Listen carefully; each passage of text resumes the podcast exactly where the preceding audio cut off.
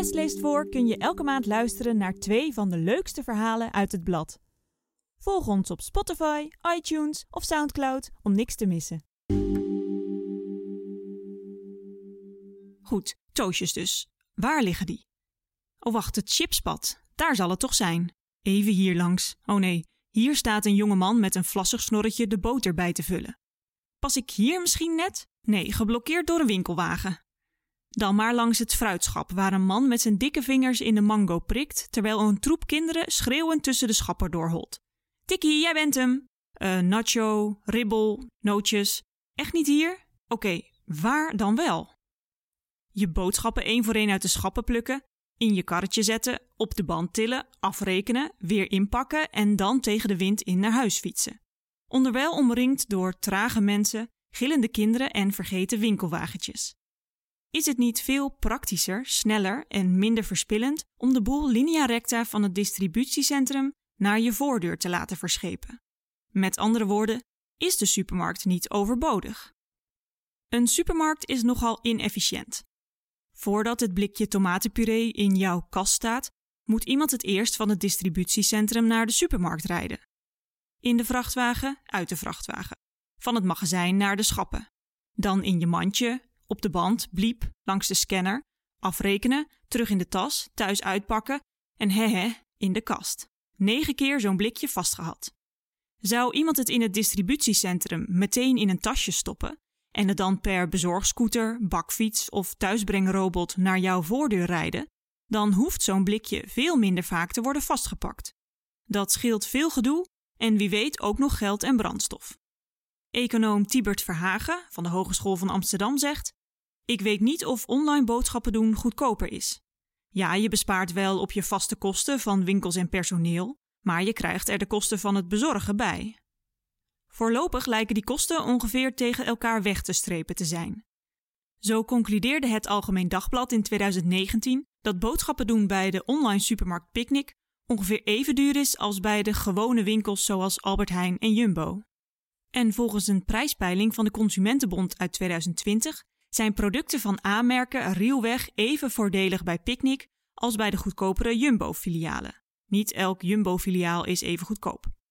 Bij Albert Heijn zijn A-merken volgens die peiling iets duurder. Minder moeite voor evenveel of zelfs minder geld.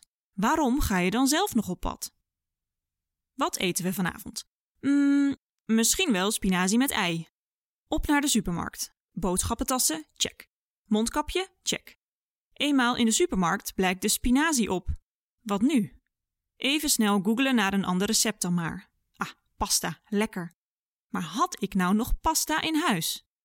Of je nu eindigt met vijf pakken schelpjes macaroni in je voorraadkast, of verkeerd gokt dat die er nog wel zijn, handig is het geen van beide.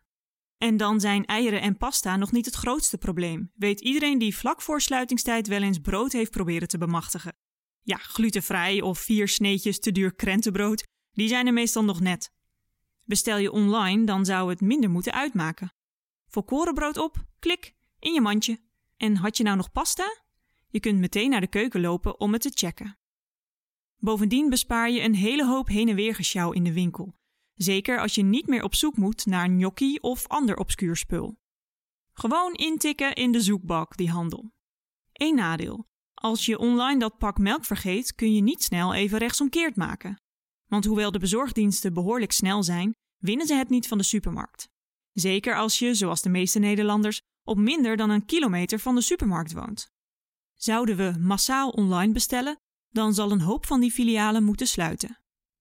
Waar al het lekkere brood aan het eind van de dag vaak verdwenen is, blijft er genoeg over dat over de datum raakt. Zeker als iedereen massaal de langst houdbare maaltijdsalades uit het schap pikt en onderweg nog even in alle mango's knijpt. Volgens cijfers van Wageningen University and Research komt 1,7% van al het voedsel, gerekend in kilo's, uit de supermarkten niet bij de consumenten terecht. Voorraden voor online winkels zullen ook wel eens op of over de datum raken. Maar vermoedelijk zou je een stuk minder verspillen als iedereen virtueel zijn of haar boodschappen doet. En niet alleen omdat mensen niet meer massaal in avocados kunnen knijpen of diepvries kroketten achterlaten in het chipsvak. Of omdat het in een groot distributiecentrum veel makkelijker is om wc-papier op voorraad te houden. Maar ook omdat winkels dan veel beter kunnen voorspellen wat mensen willen hebben en daar hun inkopen op aanpassen. Verhagen zegt: Online kun je veel beter de behoeften van klanten voorspellen.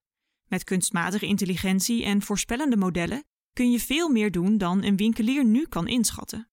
Dat komt vooral doordat je veel meer data hebt. Je weet niet alleen wat mensen kopen, maar je weet precies welke producten ze hebben bekeken, waar ze op hebben geklikt, in welke volgorde ze spullen in hun mandje leggen en waar ze zoal op zochten. Knappe winkelmanager die zijn klanten in het echt zo precies in de gaten kan houden. En een beetje creepy ook. Online ben je ook van al die medemensen in je gangpad af. Dat is tijdens een pandemie wel zo prettig. Bovendien staan die gillende kinderen en trage beslissers ook nog verdraaid vaak in de weg. In online land zijn al die mensen er niet. Dan kun je dus ook zelf mooi een kwartier wikken en wegen tussen de verschillende tomatensauzen zonder dat je er iemand mee lastig valt. Alleen zijn al die mensen om je heen wel een nadeel. Je kunt het ook omdraaien. In de supermarkt zie je nog eens iemand. Wie weet knoop je wel een praatje aan over de prijs van de bloemkool. En wie niet al te verlegen is, kan haar of zijn flirtskills uitproberen tussen de croissantjes en de kwarkbroodjes. Zeker als je toevallig een van de luxere supermarkten bent binnengestapt, waar je gratis kopjes koffie kunt drinken. Al willen we niet suggereren dat dit een goede locatie is voor een eerste date. Er zijn genoeg mensen die zich prima op hun gemak voelen in de supermarkt, benadrukt Verhagen. Misschien dat het in COVID-tijden even wat minder is, maar dat zal over een jaar hopelijk weer beter worden. Mensen vinden het echt leuk om even de supermarkt in te gaan voor een vers brood. Zelf ga ik in Frankrijk ook graag een grote supermarché binnen om daar langs de verse vis en de groenten te lopen. Die pretshoppers kun je dus zomaar gelukkig maken door die supermarkt nog verder uit te breiden. Niks zo snel mogelijk erin en eruit, maar even koffieleuten of misschien zelfs uitgebreid lunchen. Nu al kun je in sommige supers een vers gerecht voor je laten bereiden, voor als je graag nog wat meer tijd tussen de schappen doorbrengt. Wie weet komt daar in de toekomst nog meer bij. Een kapper bijvoorbeeld of een kinderspeeltuin. Kunnen ze tenminste daar ticketjes spelen. Dat winkels meer gaan doen dan alleen spullen verkopen, zie je al langer. Kijk maar naar de kledingwinkels, merkt Verhagen op, die al langer de hete adem van het internet in hun nek voelen. Als je naar een kledingwinkel gaat, dan is het juist prettig als je er meer kunt doen dan alleen boodschappen. Daarmee kun je je als winkel onderscheiden van online. Want ja, de eerste pakketbezorger die een kopje koffie voor je meebrengt, of naast het bezorgen van je bank ook even een uurtje op je kinderen let, Jurgen wil graag opgehaald worden uit Smalland, moet zich nog melden. En er is nog iets waarbij supermarkten en de andere bakstenen winkels momenteel een voorsprong hebben op online. Dat is het gevoel dat je graag nu een pak roze koeken leeg wil eten. Of dat ene pak melk dat je vergeten bent, maar dat je wel nodig hebt voor die pannenkoeken die je over een uurtje wil gaan bakken. Al doen bezorgdiensten hun best dat gat te dichten. Amazon belooft op sommige plekken al dat je, tegen extra betaling, je spullen binnen twee uur in huis kunt hebben. Het is niet onvoorstelbaar dat er plekken in New York zijn waar je bijna even snel een zak popcorn kunt laten thuisbezorgen als er eentje kunt gaan halen. Bij ons wordt dat tempo nu alleen gehaald door maaltijdbezorgers.